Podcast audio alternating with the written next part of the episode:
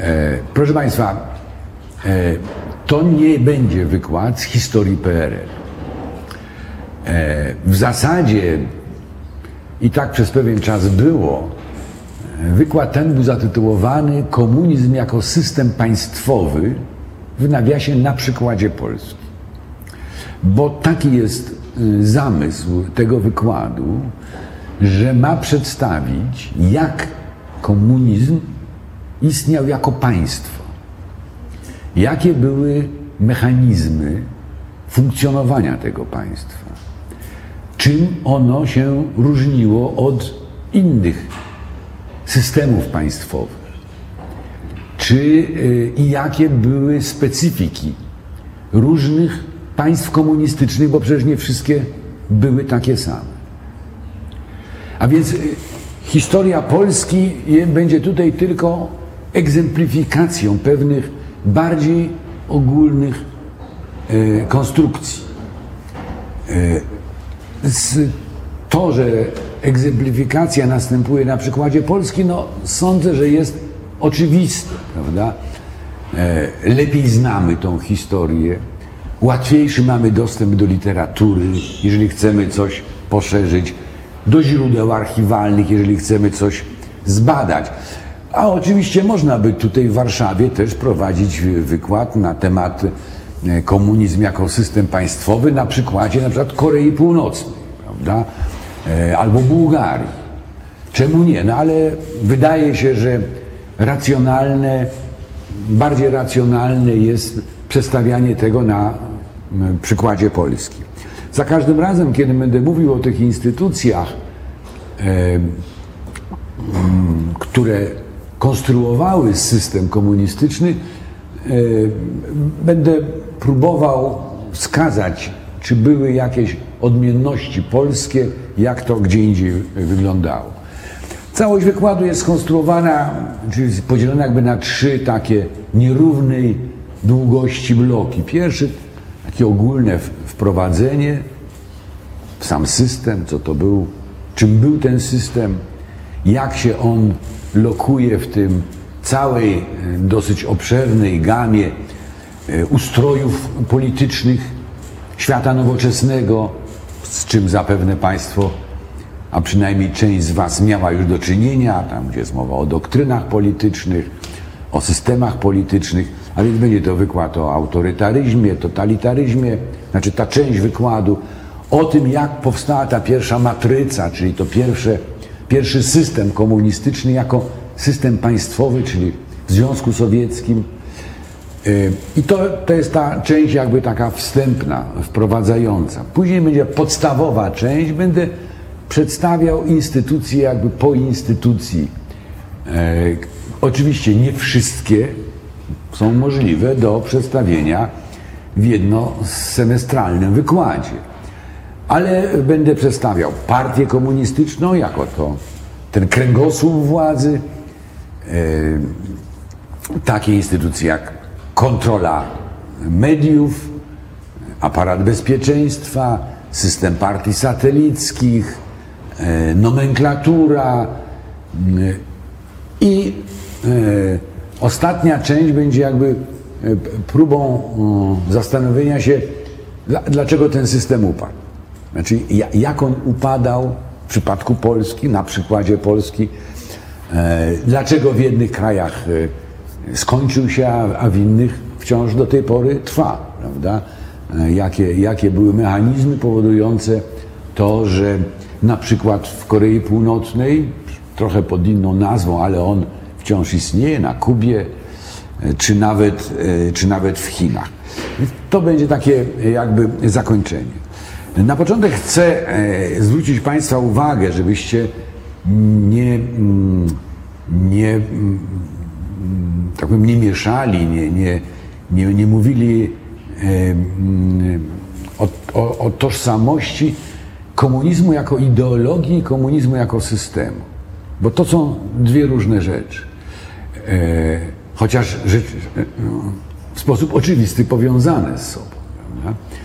Ideologia była jedną z, jedną z baz, na których opierał się system, no a system e, musiał jakoś wpływać na ideologię, ale to są dwie różne rzeczy, prawda? Są, byli komuniści we Francji, ale nie było państwa komunistycznego we Francji. E, to co, to, co nas tu będzie zajmowało przez te najbliższe parę miesięcy, to jest państwo komunistyczne, a nie ideologia. A więc nie, nie, nie będę się odwoływał do Marksa, e, Engelsa, e, do wielkich debat ideologicznych, które trwały w XIX wieku i w znacznym stopniu do dzisiaj trwają, prawda? Bo ideologia komunistyczna, czyli marksizm, wciąż jeszcze funkcjonuje jako pewien, e, jako pewna struktura intelektualna i także wytyczna do politycznego działania. E, więc zastrzegam się, że jeżeli chodzi o marksizm i komunizm jako ideologię, ktoś się tym specjalnie interesuje, to odsyłam na wykłady e, z historii doktryn politycznych, z historii ideologii, bo, bo tam jest e, główne miejsce. Nas tutaj będą interesowały instytucje państwowe i państwa, które przynajmniej w swoich początkach zakładały, że będą wcielały w życie tą ideologię. Jak one ją wcielały, przy pomocy jakich metod. Taki najogólniejszy e, e, obszar, w którym te państwa komunistyczne się mieściły, to jest oczywiście obszar niedemokratycznych systemów politycznych dziejów najnowszych, czyli XX wieku. Można generalnie tak podzielić świat cały, chociaż tak jak każdy podział i ten jest, e, nie, nie, nie ma bardzo ostrych granic na państwa demokratyczne, czy ustroje demokratyczne i niedemokratyczne, prawda? Pomiędzy, w, w każdym z tych obszarów też są różnice, które doskonale Państwo znacie, jako że sami żyjecie w państwie demokratycznym, ale wiecie, że demokracja w Polsce jest trochę inna niż amerykańska czy brytyjska, że są demokracje monarchiczne i republikańskie i tak dalej, tak dalej. A więc w komunizmie było troszkę podobnie, może te rozbieżności nie były tak daleko idące, ale też należy e, o tym pamiętać, o tym zresztą będę starał się co pewien czas Państwu przypominać, bo jak się tak patrzy generalnie, to, to jest tendencja do e, takiego dwudzielnego, czarno-białego widzenia. Albo było, albo nie było reguła jest taka, że trochę było i trochę nie było. Że, że, że, że jakaś jedna rzeczywistość składa się z bardzo różnych e, kawałków. A więc, jeżeli mówimy o systemach niedemokratycznych w XX wieku, a pierwsze państwo komunistyczne powstało, czy zaczęło powstawać w 1917 roku, była to e, Rosja bolszewicka, potem Związek Sowiecki, e, no to oczywiście musimy e, postarać się e, jakby rozejrzeć w tym, w tym obszarze, co to znaczy państwo niedemokratyczne wówczas. E, I to, co się nasuwa mm, z literatury, bardzo bogatej zresztą, na ten temat, to jest to, że właśnie systemy niedemokratyczne wówczas, ale praktycznie i, i do dziś jeszcze, można podzielić na jakby takie dwie główne kategorie. Państwa totalitarne i państwa autorytarne.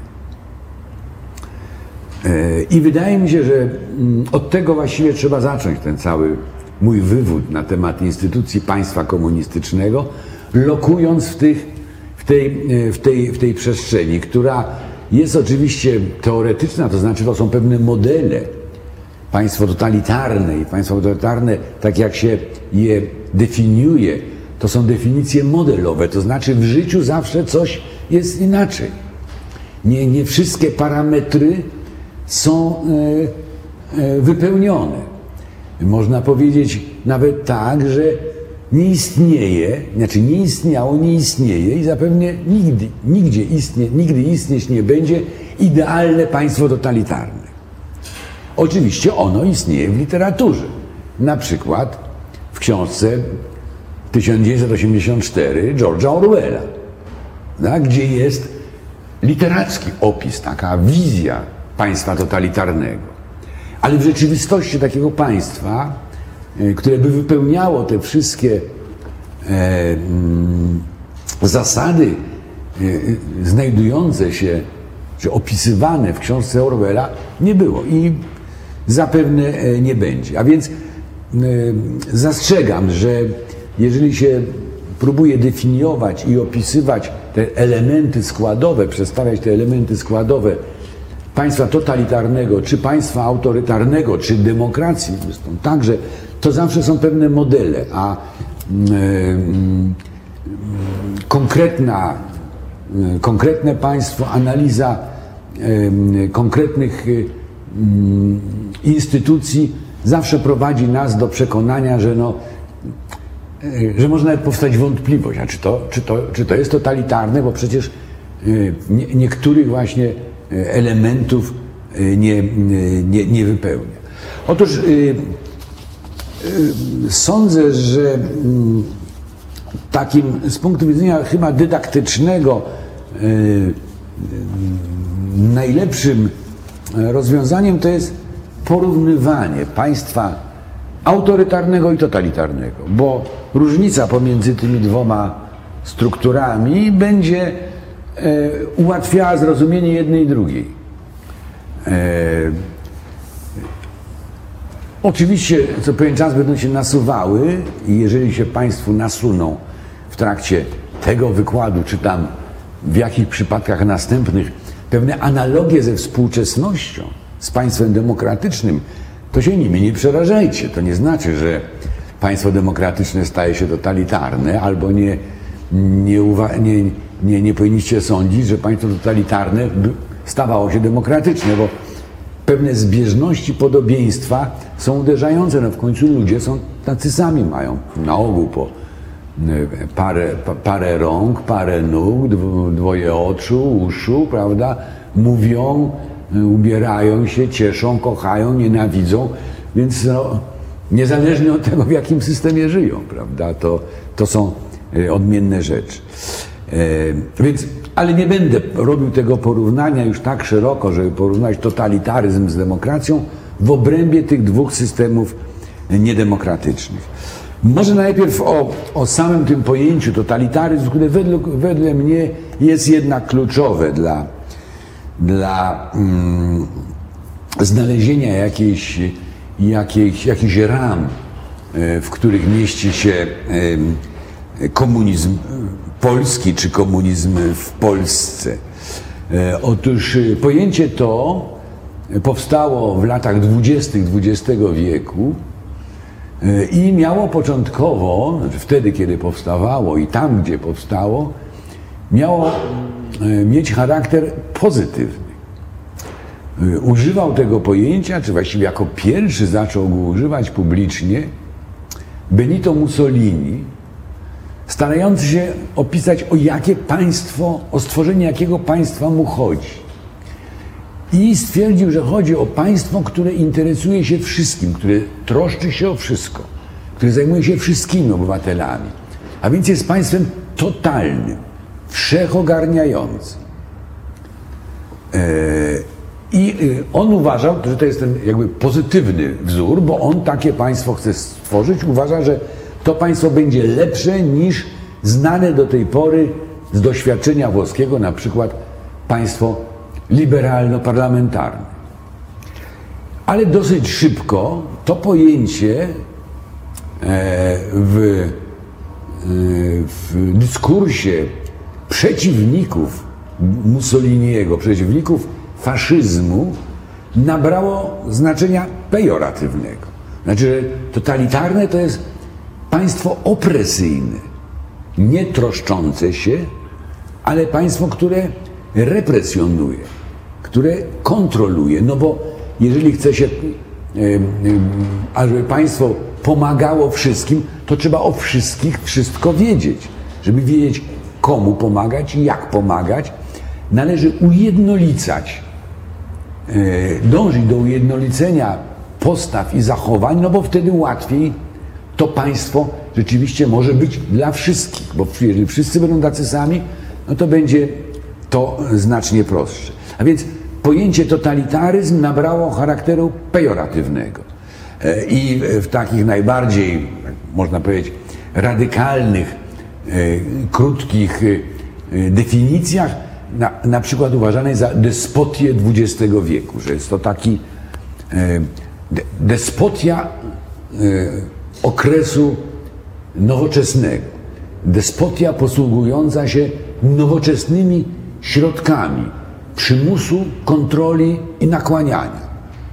W odróżnieniu od dawnych despotii, starożytnych, yy, obojętnie z jakiego korzenia, czy azjatyckich, czy, czy, czy bliskowschodnich, yy, tamte despotie miały bardzo ograniczone, tak powiem, techniki, prawda? Nie, nie było nie radia, nie było karabinów maszynowych, yy, nie było możliwości szybkiego przenoszenia i yy, prze, przemieszczania dużych mas ludzkich, to XX wiek i technologia pozwoliły, ażeby ta despotia dysponująca nowoczesnymi e, instrumentami zaistniała i taką właśnie despotię nazywa się e, totalitaryzm. E, jakie są, jak powiem, główne części składowe totalitaryzmu i przez porównanie E, autorytaryzmu, który jest po prostu dyktaturą. Autorytaryzm to jest, można powiedzieć, synonim dyktatury. Na ogół, na ogół wojskowej, ale, ale niekoniecznie. Najczęściej zresztą wojskowej. A więc to yy, ja tutaj nie będę próbował rankingu wprowadzać tych części składowych, bo to jest dosyć trudne, zwłaszcza, że E, jednak e, w obrębie tego systemu następowały pewne przesunięcia i zmiany. W niektórych krajach jedne elementy były ważniejsze, w innych inne, ale dla wszystkich mniej więcej był ten sam zestaw tych elementów. A więc to, co charakteryzuje totalitaryzm i bez czego totalitaryzm nie może w zasadzie zostać stworzony, znaczy państwo totalitarne nie może zostać stworzone, to jest ideologia. Państwo musi być oparte o jedną ideologię, która jest wszechobowiązująca i e, wypiera albo niszczy wszystkie inne ideologie, jeżeli one istniały, a jak to takie państwo powstawało, to na ogół istniały e, jakieś inne ideologie, prawda? W przypadku mm, e, tym, który nas bardziej interesuje, czyli państwa komunistycznego, tą ideologią był marksizm, e, komunizm, różnie to można nazwać, prawda? To była, to była ta baza ideologiczna. Nie będę wnikał w to, jak, e, co to znaczy marksizm, czy, czy komunizm jako ideologia. Sądzę, że Państwo macie na ten temat E, jakieś pojęcie. E, ideologia ta powinna być ideologią albo uniwersalną, czy uniwersalistyczną, albo e, w innym typie państwa totalitarnego ideologią globalną, to znaczy państwo to ma cele globalne. Ponieważ w totalitar, jeżeli mówimy o totalitaryzmie i o tych definiujących go e, e, elementach, to oczywiście e, staramy się to, to badanie i, i, i nasze wnioski wyciągać na podstawie oczywiście istniejących jakichś państw. I są te dwa główne państwa, o których, których analiza jest analizą właśnie Y, totalitaryzmów. To jest Związek Sowiecki i Trzecia Rzesza, czyli Niemcy nazistowskie. To są dwa totalitaryzmy, różne bardzo, ale totalitaryzmy. Mechanizmy funkcjonowania tych państw były bardzo podobne. Ideologie były kompletnie odmienne, a można nawet powiedzieć z pełnym przekonaniem, że były przeciwstawne sobie. Właśnie ideologia komunistyczna była ideologią uniwersalną. To znaczy, e, zgodnie z tą ideologią cały świat powinien stać się światem komunistycznym. E, nie było różnicy. Nie, nie, nie, nie, nie tworzyła ona różnicy pomiędzy narodami czy kontynentami. Ona gdzie indziej sytuowała podstawową różnicę między biednymi i bogatymi. Czy między proletariatem, robotnikami i ludem pracującym, a wyzyskiwaczami, właścicielami itd. itd. I w jej planie, takim, no, no właśnie, bardzo generalnym, było dokonanie rewolucji na całym świecie i stworzenie światowego systemu komunistycznego. A więc miała charakter uniwersalny. Natomiast nazizm był jakby zaprzeczeniem, ponieważ podstawą nazizmu była, były różnice rasowe i narodowe. A więc siłą rzeczy naziści nie mogli być uniwersalni, bo, bo nie mogli zaproponować innym stania się też narodem panów, za który się Niemcy uważali. Była to, a więc była to ideologia ekskluzywna, która wyłączała ogromną część świata z zajmowania tego kluczowego miejsca. Natomiast e, była globalna, bo w planie III Rzeszy było zapanowanie nad światem. A więc miała ona ten wymiar e, e, globalny, bardzo rozległy, także czasowo. Była jednym ze sloganów nazizmu, była tysiącletnia Rzesza, czyli państwo, które będzie idealne, e, idealnym narzędziem narodu niemieckiego i będzie przez tysiąc lat istniało i tak dalej, i tak dalej. A więc w każdym razie państwo totalitarne, jakie by nie było, wtedy, kiedy jest tworzone, musi mieć ideologię. Ideologię, która jest ideologią wyłączną na terenie danego państwa.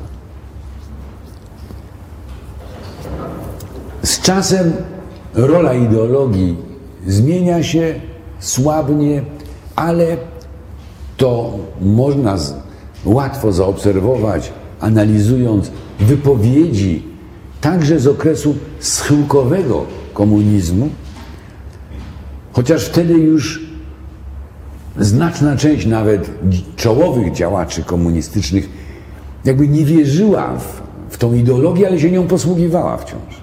Znaczy używała języka ideologicznego. Dosyć charakterystyczne jest na przykład, że pierwsza deklaracja polityczna e, ogłoszona przez najwyższe władze Partii Komunistycznej w Polsce po wprowadzeniu stanu wojennego, a więc w 1982 roku, zaczynała się od słów my komuniści polscy. Więc ten komunizm wciąż był e, taką no, wiarą, można powiedzieć, już niepraktykowaną, ale jeszcze wyznawaną. Jak Państwo wiecie, są chrześcijanie wierzący i niepraktykujący i niewierzący i praktykujący. Więc znaczną część komunistów z tego schyłkowego okresu można do tej właśnie kategorii zaliczyć, że oni już nie wierzyli w komunizm, ale jeszcze go praktykowali. Ponieważ ideologia jest bardzo ważnym elementem zlepiającym ten system, dającym mu język komunikacji i wewnątrz samego establishmentu, pomiędzy establishmentami w różnych krajach komunistycznych, a także w komunikacji ze społeczeństwem masowym, które było jakby trenowane w używaniu i w rozumieniu tego, tego języka. System autorytarny natomiast w zasadzie nie ma ideologii. To znaczy podstawą, e, podstawowym tym lepiszczem społecznym jest państwo jako takie.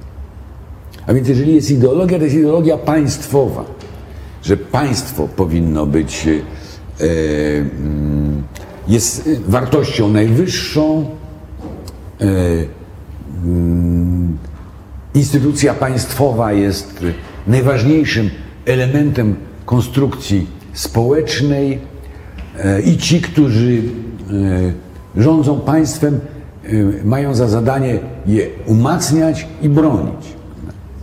Ponadto autorytaryzm nie ma charakteru prozelitycznego, to znaczy nikogo nie chce nawracać. Totalitaryzm nazistowski też miał bardzo ograniczone, ale jednak miał te tendencje do nawracania, to znaczy do przekonywania innych, że powinni wyznawać tą samą ideologię, te same zasady. W przypadku III Rzeszy dotyczyło to na przykład e, narodów etnicznie bliskich Niemcom, które usiłowano przekonać, że e, należą też do tego wielkiego plemienia germańskiego, e, które ma przed sobą wspólne zadania, wspólne cele i powinien prowadzić wspólną walkę, więc e, Flamandów, Duńczyków itd., tak itd. No, w przypadku komunizmu to było dosyć oczywiste, prawda, że nawraca Eskimosa, Pigmeja, obojętnie. Każdego, kto chce wierzyć w komunizm, może stać się komunistą. Otóż w systemach E, autorytarnych nie ma tej, tej tendencji, żeby, e, nie wiem, przekonywać Niemca, żeby stał się polskim patriotą. Niemca, który mieszka w Niemczech, czy Czecha, który mieszka w Czechach, prawda? E, to mm, w związku z tym, że autorytaryzm w zasadzie ma charakter defensywny, nie, nie ofensywny, nie, nie proponuje przeniesienia tego systemu na cały świat, ani opanowania całego świata przez jedno, przez jedno państwo. Do tego, żeby takie właśnie globalne zadania sobie stawiać, potrzebna jest ideologia o charakterze totalitarnym. E, drugim elementem, który jest konstytutywny dla, dla totalitaryzmu i e, występuje także w systemach autorytarnych, to jest wódz. E, nie przywódca, taki jakby jednorazowy, prawda, który jedne wybory przegrywa, drugie wygrywa i raz jest przywódcą, a raz e, jest przeciwnikiem przywódcy, tylko wódz, czyli ten, ta osoba, która stoi na czele tego ruchu, która właściwie powinna być twórcą całego konceptu, twórcą tego państwa, osobą, która wiodła za sobą innych.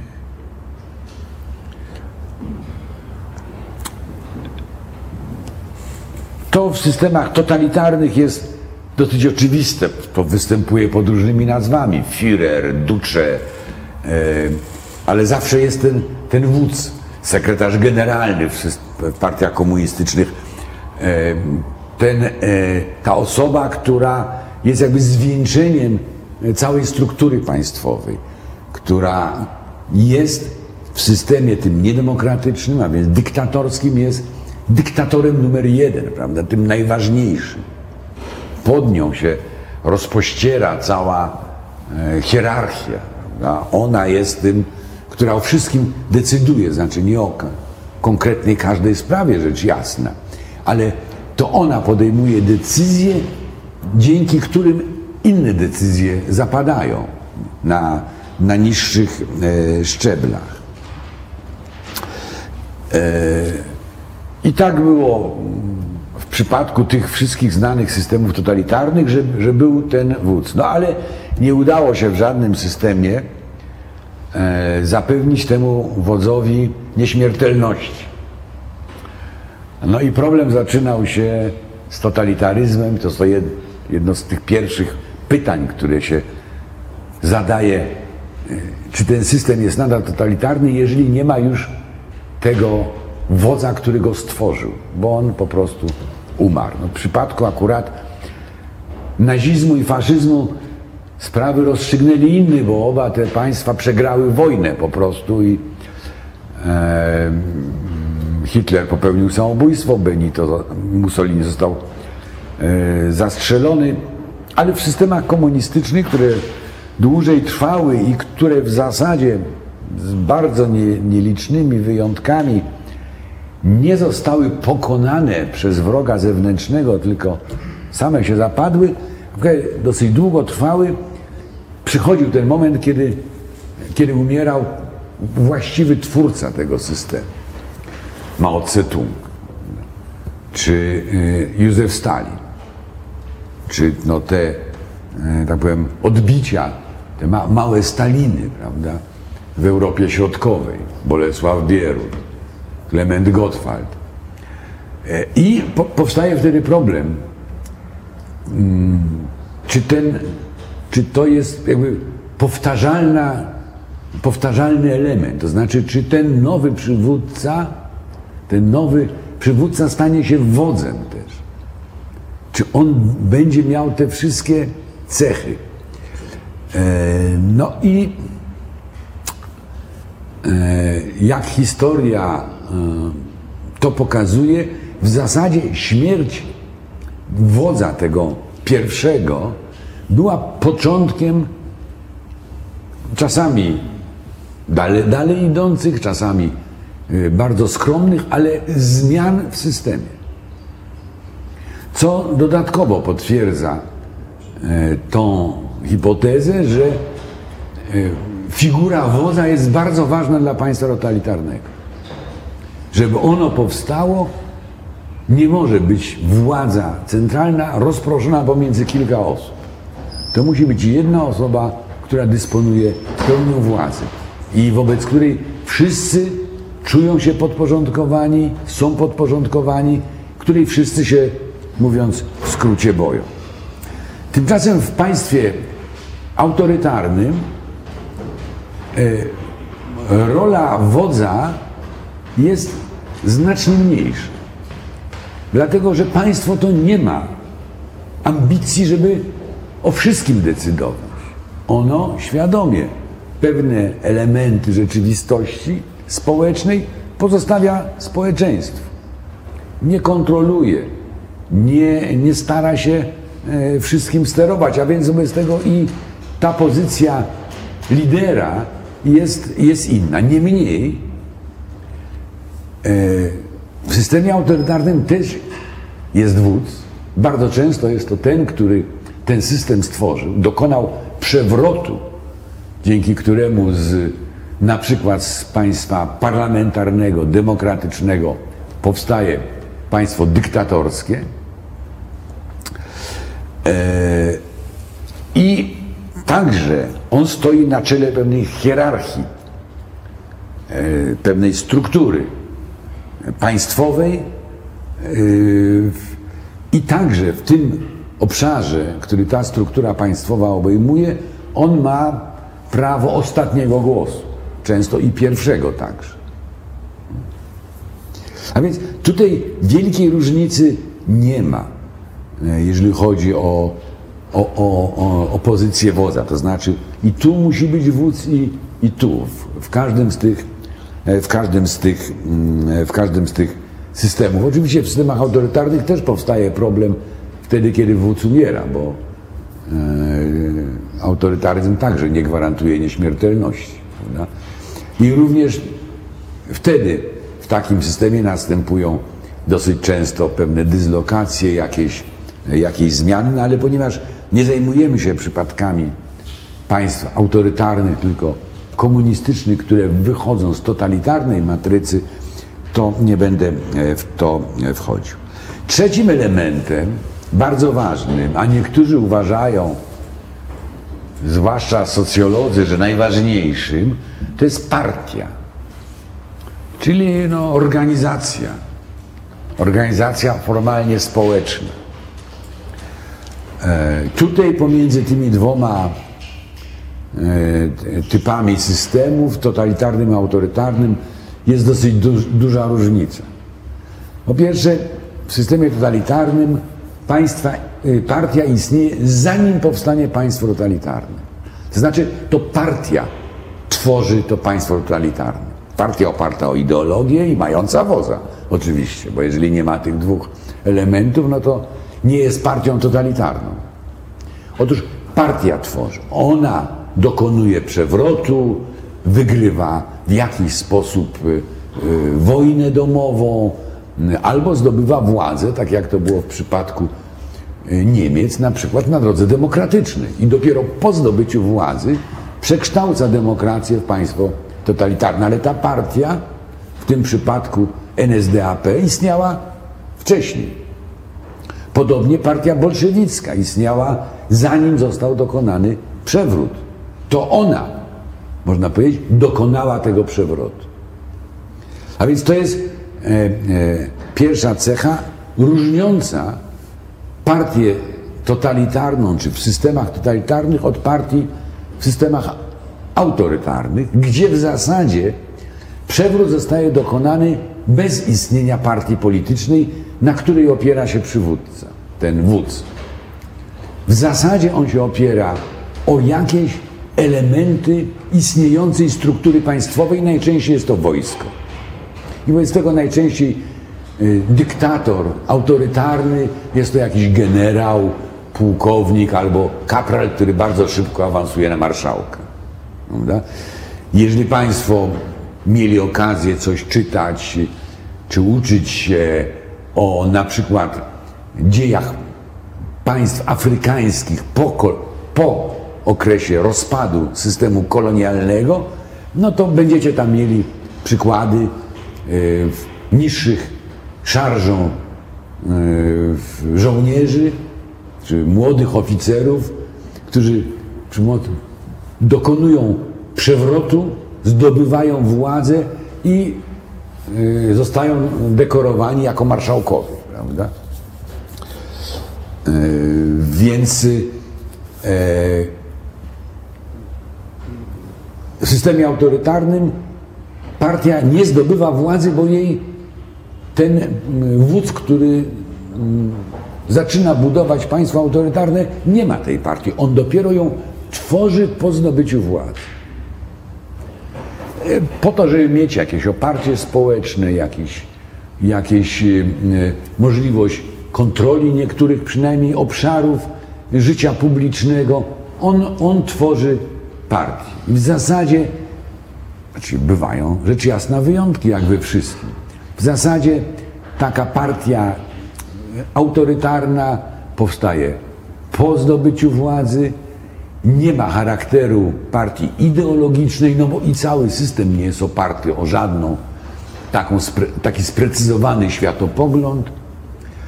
Y, Bardzo często składa ona się głównie z konformistów, czyli z, tymi, z tych, którzy chcą uczestniczyć w sprawowaniu władzy, a e, bycie członkiem partii rządzącej e, ułatwia taką, taką karierę. Ponadto partia totalitarna, nawet jeżeli przed zdobyciem władzy nie była zbyt liczna, bardzo szybko po zdobyciu władzy staje się partią masową. Będę mówił osobno o, o partii jako o tym elemencie, bo jest to jeden z najważniejszych, jak powiedziałem, może nawet najważniejszy element systemu totalitarnego. E, Wobec tego w tej chwili już nie, nie, nie, nie będę wchodził w szczegóły. Nato, natomiast w systemach autorytarnych partia, ta partia, która, którą tworzy dyktator, bardzo często ma, składa się nie tylko z konformistów, ale ma nawet taki charakter, można powiedzieć, biurokratyczny. Na przykład jest to partia, w której, do której należą jednocześnie osoby fizyczne i całe organizacje się zapisują do niej.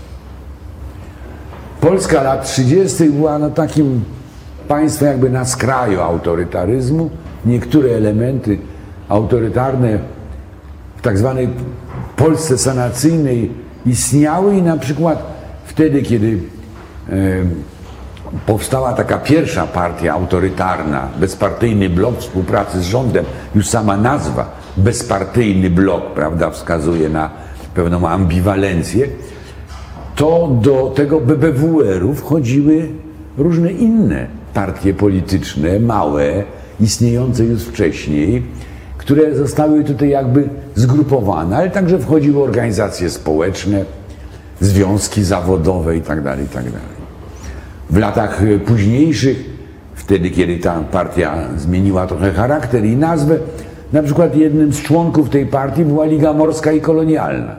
Czyli wszyscy, którzy należeli do tej Ligi Morskiej Kolonialnej, byli jakby jednocześnie członkami partii rządzącej. No, nie, nie, nie, nie było tam powiem, osobistych deklaracji. Natomiast w partii totalitarnej jest wymagana ta osobista deklaracja, że się e, jest tym członkiem, osobiste płacenie składek na ogół, branie udziału w życiu wewnętrznym tej partii itd. Tak itd. Tak e, z tego, że te systemy są systemami niedemokratycznymi, systemami dyktatorskimi, no jest dosyć oczywiste, że znaczącą rolę w nich odgrywają instytucje przymusu, kontroli i przymusu. To znaczy te, które no, pilnują społeczeństwa, żeby właśnie, żeby e, e, ujednolicać, uniemożliwiają powstawanie innych partii politycznych, wyznawanie innych ideologii itd. Tak itd. Tak Oczywiście poziom tej represywności bywa bardzo różny, zwłaszcza w okresie zdobywania władzy. On jest duży, później z reguły słabnie, e, ale e, zawsze istnieje. Jak będę mówił o aparacie bezpieczeństwa jako jednym z tych elementów państwa komunistycznego, to zwrócę uwagę na, na pewne szczegóły. Tutaj tylko mogę powiedzieć tyle, że w zasadzie w państwie totalitarnym, z uwagi właśnie na to, że ono było, obejmowało wszystko, także i represje były znacznie bardziej masowe niż w państwie autorytarnym, które, e, w którym e, instytucje kontroli e, i, i represji raczej ograniczały się do pewnych newralgicznych punktów czy postaw bądź środowisk, które de facto zagrażały systemowi. Natomiast w systemach totalitarnych, przynajmniej w niektórych fazach tych systemów, miało miejsce zjawisko terroru masowego, to znaczy właściwie całe społeczeństwo było nim objęte lub nim zagrożone, niezależnie od tego, czy ktoś był aktywny, czy nie. Ale jak powiedziałem, do tego, e, do tego wrócę. E Systemy y, totalitarne, i to było zgodne z tym, że ideologia ma być jedna, wszystkie inne mają być wykluczone, z kontrolą życia publicznego i społecznego, systemy autorytarne charakteryzowały się także istnieniem mediów sterowanych. To znaczy, że powstawało jakieś jedno centrum, które nadawało E, ton wszystkim wypowiedziom medialnym w prasie, radiu, no a później także e, w telewizji, wtedy kiedy powstawały państwa, pierwsze państwa totalitarne, no to mm, w przypadku e, Rosji bolszewickiej były, były tylko gazety, w przypadku Niemiec nazistowskich było już radio, nie, nie, nie było jeszcze telewizji. W każdym razie państwo totalitarne o kurczę, zapomniałem. Państwo totalitarne zapewnia sobie nie tylko kontrolę nad tym, co media upowszechniają, ale zapewnia sobie, że media upowszechniają tylko to, co to państwo chce. Znaczy musi powstać instytucja, czy system instytucji, który jakby nadaje e, czy zmusza, skłania wszystkie e, środki przekazu do respektowania tematów, sposobu ich przedstawiania, które są ustalane przez centrum. To znaczy, w tym obszarze państwo totalitarne, można powiedzieć, działa w sposób pozytywny, czyli wpływa na to, co ma się ukazać. Podczas kiedy państwo autorytarne w zasadzie ogranicza się do oddziaływania negatywnego, to znaczy eliminuje pewne informacje bądź opinie. Tworząc lub częściej nie tworząc osobnych instytucji kontroli nad mediami, ale starając się różnymi sposobami media kontrolować po to, żeby usuwać naj, najbardziej niewygodne z punktu widzenia obozu rządzącego informacje, komentarze czy y, opinie. Natomiast nie tworzy jednolitego systemu sterowania e, wszystkimi y, mediami. Takim, można powiedzieć, drugorzędnym elementem, ale dosyć przemawiającym do wyobraźni, zwłaszcza e, jeżeli zajęcia mamy w Pałacu Kultury i Nauki w Warszawie, to jest problem kanonu estetycznego czy normy estetycznej. Otóż w zasadzie prawie każde państwo totalitarne narzuca pewien sposób e, funkcjonowania sztuki w najszerszym tego słowa znaczeniu. To znaczy, albo wręcz likwiduje możliwość innego niż ten kanoniczny sposobów uprawiania sztuki, albo skutecznie marginalizuje inne sposoby uprawiania sztuki. To w przypadku komunizmu był realizm socjalistyczny jako pewien, pewna norma estetyczna obowiązująca w literaturze, w poezji, w malarstwie, e, a nawet w muzyce. I wszyscy twórcy, którzy nie podporządkowywali się tym zasadom, nie pisali zgodnie z tą normą, e, nie mogli na przykład publikować. Albo jeżeli byli malarzami, e, nie, mogli, nie mieli dostępu do galerii czy, czy do muzeów, prawda, na, do wystaw. A jeżeli byli kompozytorami, to ich utworów żadna orkiestra symfoniczna by nie, nie, nie zagrała. E, w przypadku nazizmu to jest nie, nie tak ewidentne, ale również nazizm wprowadził pojęcie sztuki zdegenerowanej, która ale powinna być wyeliminowana, zniszczona, ukryta, albo, co się często zdarzało, sprzedana, bo to dawało jakieś tam e, zyski dodatkowe.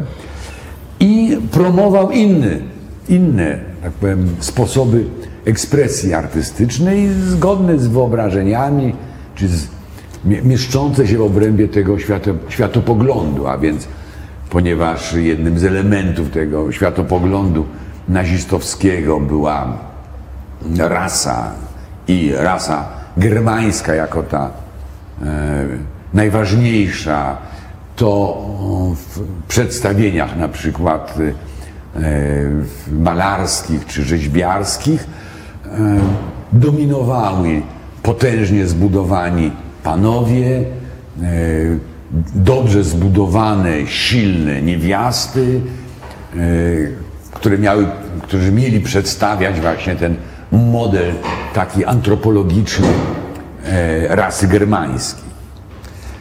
Oczywiście trudno byłoby w tych warunkach jako taki pomnik przykładowy zrobić pomnik samego Adolfa Hitlera, który był nieduży, ciemny i utykał na jedną nogę. No ale yy, yy, ponieważ on to wymyślił, bez tego jego pomników już stawiać nie było potrzeba, wystarczały głowy same, yy, żeby jego tors nie był narażony na, na jakieś szydercze uwagi. A więc systemy totalitarne mm, wtedy, kiedy jakby konstruują tak naprawdę już to państwo totalitarne, narzucają wszystkim jedną normę estetyczną, co jest związane w ogóle z tym, że, że wszystko ma być do siebie podobne. Wszyscy mają jednakowo myśleć, podobnie być ubrani, tak samo się zachowywać, podobnie żyć itd., tak itd. Tak no bez tego mają oglądać, e, e, czy, czy mają, ma się im proponować takie same przedstawienia e, wyobrażenia świata rzeczywistego czy wymyślonego. A więc ta norma jest narzucana. Natomiast w systemach autorytarnych w zasadzie nie ma nic takiego. Bardzo rzadko się zdarzało, żeby taki przywódca autorytarny, nawet jeżeli on miał jakieś swoje e, fobie czy, czy sympatie, żeby próbował narzucać je e, wszystkim. Prawda? I w związku z tym nie, nie, nie istniało nic takiego jak sztuka autorytarna w systemie autorytarnym, chociaż zdarzały się naśladownictwa, na przykład sztuki nazistowskiej w niektórych, niektórych przypadkach. E, bardzo specyficzna była sytuacja faszyzmu włoskiego, który był systemem totalitarnym, e, u którego źródeł między innymi leżała awangarda artystyczna i w związku z tym przez długi czas e, faszyzm włoski akceptował wyobrażenia artystyczne awangardy, które na przykład w III Rzeszy, czyli w Niemczech nazistowskich, nie miały prawa być pokazywane. No ale to jest taka pewna, e, pewna, e, pewna oboczność. Istotne było także, istotna była także cała ogromna sfera życia gospodarczego. E, w systemach totalitarnych w zasadzie państwo to państwo totalitarne stara się mieć bezpośredni wpływ na życie gospodarcze. Ale e, z uwagi na odrębne jakby e,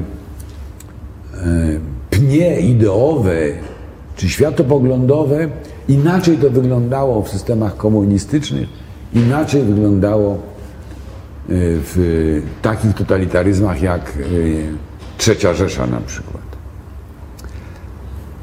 Zgodnie z ideologią marksizmu bowiem e, najwyższą formą własności była własność wspólna. Nie indywidualna, tylko wspólna. I w związku z tym e, likwidowano własność prywatną, indywidualną. Począwszy od wielkich e, od rekinów finansjery, a skończywszy na drobnorolnych chłopach, których też nakłaniano, bardzo często z użyciem przymusu, do tego, żeby połączyli wszystkie swoje własności w jedną wspólną własność. A więc system komunistyczny oparty był o własność kolektywną. Tutaj można by dodać, że była, był to kolektywizm no, w cudzysłowie. Dlatego, że w istocie właścicielem stawało się państwo i instytucje państwa. One decydowały o e, funkcjonowaniu gospodarki i to państwo stawało się właścicielem bezpośrednim ogromnej części gospodarki narodowej. Państwowe były fabryki, państwowe były e, mm, nie wiem, tramwaje, linie kolejowe, kina i tak dalej, i tak dalej. Oczywiście funkcjonowały w różnych substrukturach, podstrukturach e, organizacyjnych. Zarządzanie tym wszystkim było dosyć skomplikowane, ale zasada była taka, że likwiduje się własność prywatną. I to wywodziło się z marksizmu jako takiego, tej jeszcze tego mitu, tego e, tęsknoty do pełnej równości. A pełną równość można uzyskać wtedy, jeżeli nikt nic nie ma. Znaczy, albo wszyscy mają wszystko, prawda? bo to na jedno wychodzi. No więc to wtedy wszyscy są równi wobec, e, w, wobec siebie. Prawda?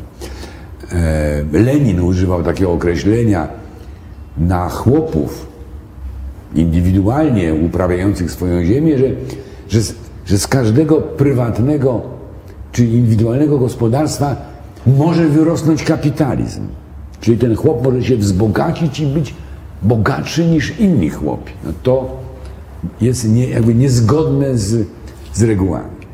I w związku z tym y, w systemie komunistycznym dominującą formą była własność państwowa, a tam, gdzie inne pośrednie, y, gdzie inne formy własności wspólnej istniały, na przykład spółdzielnie, to one były kontrolowane przez państwo i jakby wchłonięte przez cały system zarządzania gospodarki. E, a więc y, mm, jeżeli e, mm, jakaś grupa spółdzielni, na przykład, nie wiem, spółdzielni pszczelarskich e, istniała, tworzy, musiały one utworzyć Związek Spółdzielni Pszczelarskich, a cenę miodu, cenę, nie wiem, mm, sprzedaży roju pszczół ustalało i tak centralny planista na, na obszar całego państwa, a nie wolny rynek.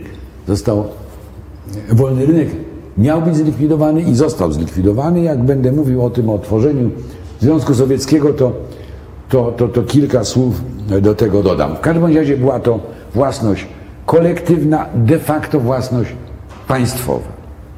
Oczywiście bywały takie sytuacje, że część, jakiś, jakaś, jakiś fragment tego obszaru gospodarczego był pozostawiony w rękach indywidualnych. Tak na przykład było w Polsce z rolnictwem, gdzie większość e, terenów uprawnych znajdowała się w prywatnym władaniu, indywidualnym władaniu, ale były ostre limity, e, jeżeli chodzi o obszar na przykład upraw, których nie wolno było przekraczać, ograniczony był obrót ziemią i tak dalej, i tak dalej.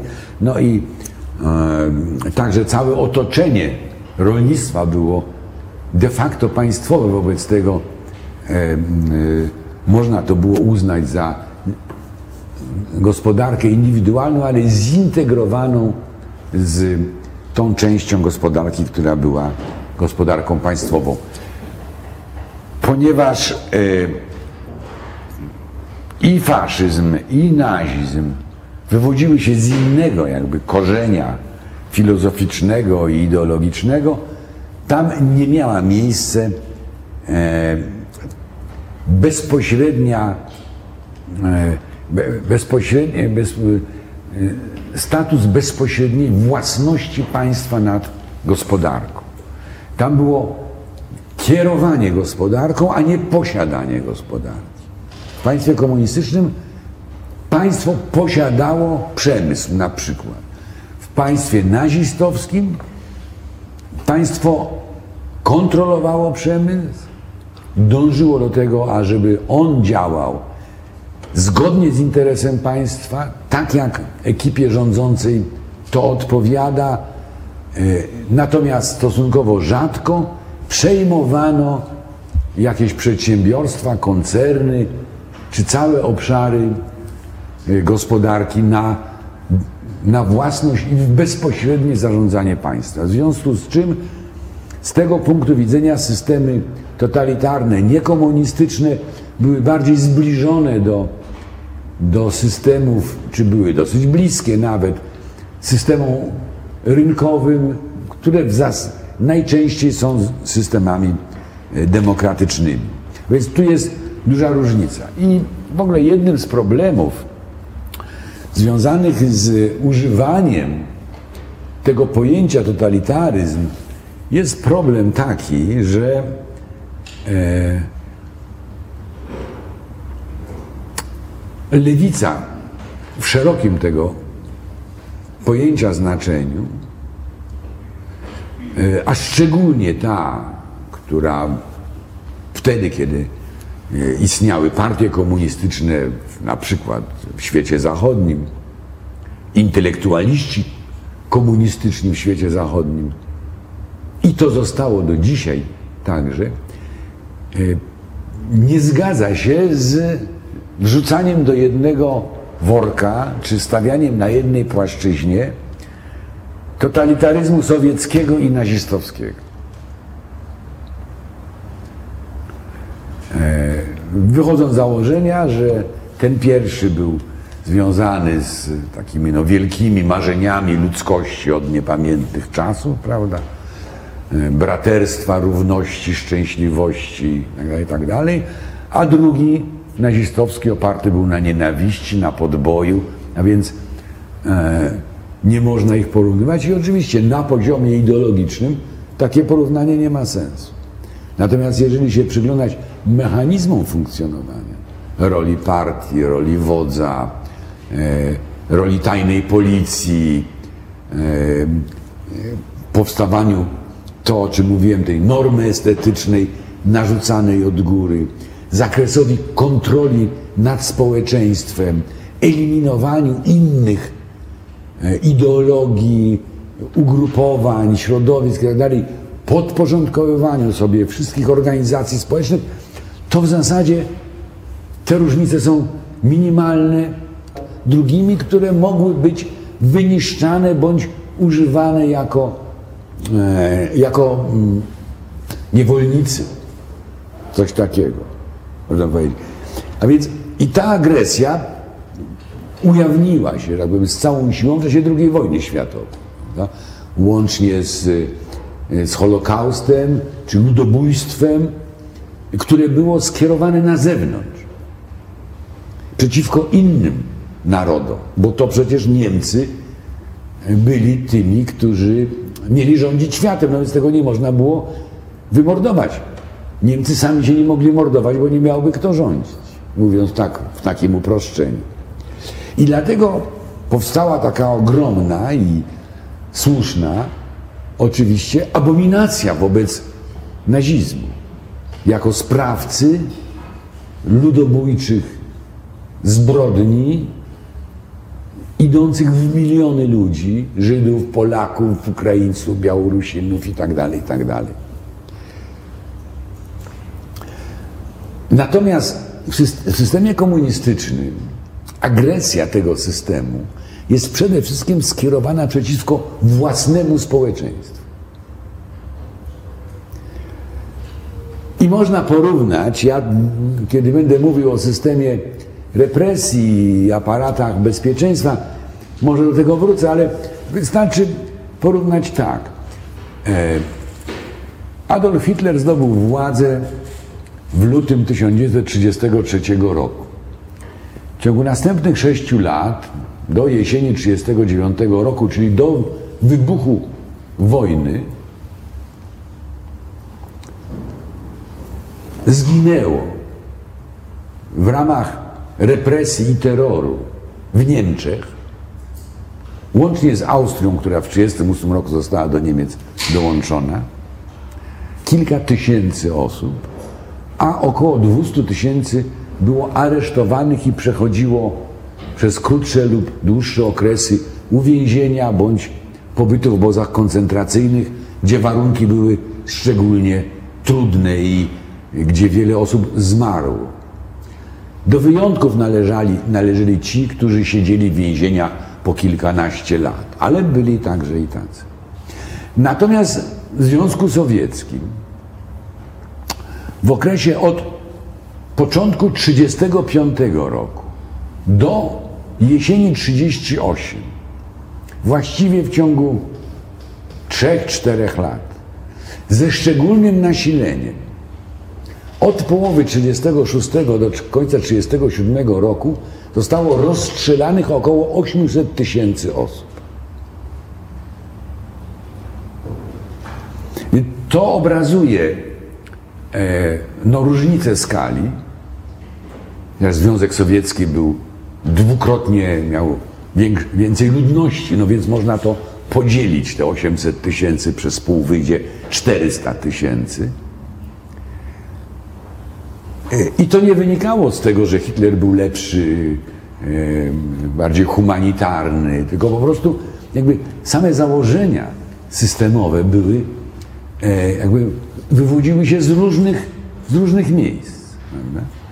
A więc system, e, totalitaryzm komunistyczny był przede wszystkim represją własnego społeczeństwa. Natomiast totalitaryzmy nacjonalistyczne były przede wszystkim represjami wobec innych narodów, innych społeczeństw. Być może właśnie dlatego jest taka, taka odmienność e, w, w wartościowania, że nazizm jest zły, a komunizm albo nie jest zły, albo jest nijaki, prawda? E, I no tak, tak się to, tak to się ukształtowało.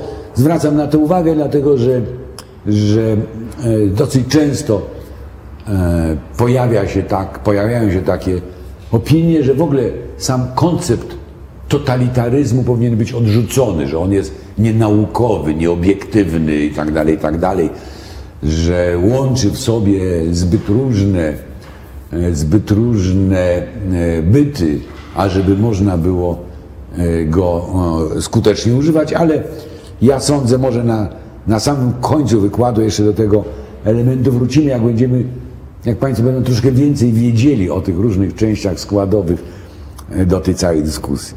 Jeszcze na koniec zwrócić uwagę na jedną bardzo ważną rzecz. E, to też jest trochę w tych kategoriach różnic między totalitaryzmem a autorytaryzmem. Otóż w zasadzie w państwie totalitarnym, takim no, modelowym, e, ideologia, istniejące normy społeczne e, powinny być przez wszystkich obywateli zinternalizowane, czyli powinny stać się ich własnością. Oni wszyscy powinni być wierzącymi marksistami albo nazistami, mm, głosować na, na tą samą listę w taki sam sposób, a nawet w, w, w, w niektórych e, aspektach upadabniać się fizycznie, tak samo się ubierać. To te modele e, totalitaryzmu komunistycznego dalekowschodniego były szczególnie tutaj wymowne, prawda? Kiedy w Kambodży wszyscy musieli chodzić w czarnych piżamach, a w, znaczy w takich ubraniach, które my byśmy nazwali piżamami, a, a w Chinach z kolei takie granatowe kurtki były właśnie obowiązkowe dla, dla wszystkich.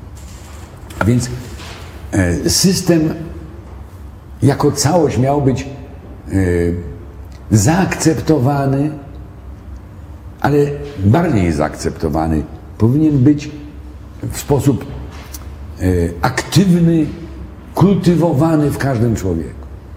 Natomiast w systemie autorytarnym państwo autorytarne, partia autorytarna, wódz autorytarny w zasadzie zadawala się posłuszeństwem. To znaczy, że e, nikt nie występuje przeciwko niemu. Albo się nie powinno występować. Że występowanie przeciwko niemu no, może czymś grozić. Natomiast nie, nie, nie stara się skłonić wszystkich, e, całego społeczeństwa do tego, żeby było takie samo. A więc nie, nie ma tego elementu totalnego, że, że wszystko ma być podobne lub takie same, wszyscy mają w to samo wierzyć, tak samo się poruszać, tak samo wyglądać. I mówię o tym w takiej formie dosyć radykalnej, bardziej przypominającej to, co pisał George Orwell, niż taka, jaka była rzeczywistość, ale po to, żeby zwrócić uwagę na, na, na, na, na te podstawowe, podstawowe elementy. To byłaby ta taka generalna rama teoretyczna państwa komunistycznego na, na przykładzie Polski. Za tydzień będę Państwu mówił, jak ten system powstawał w Związku Sowieckim i jak się powiem, upowszechniał na świecie. No a później już przejdziemy do poszczególnych części składowych e, systemu komunistycznego. Dziękuję bardzo.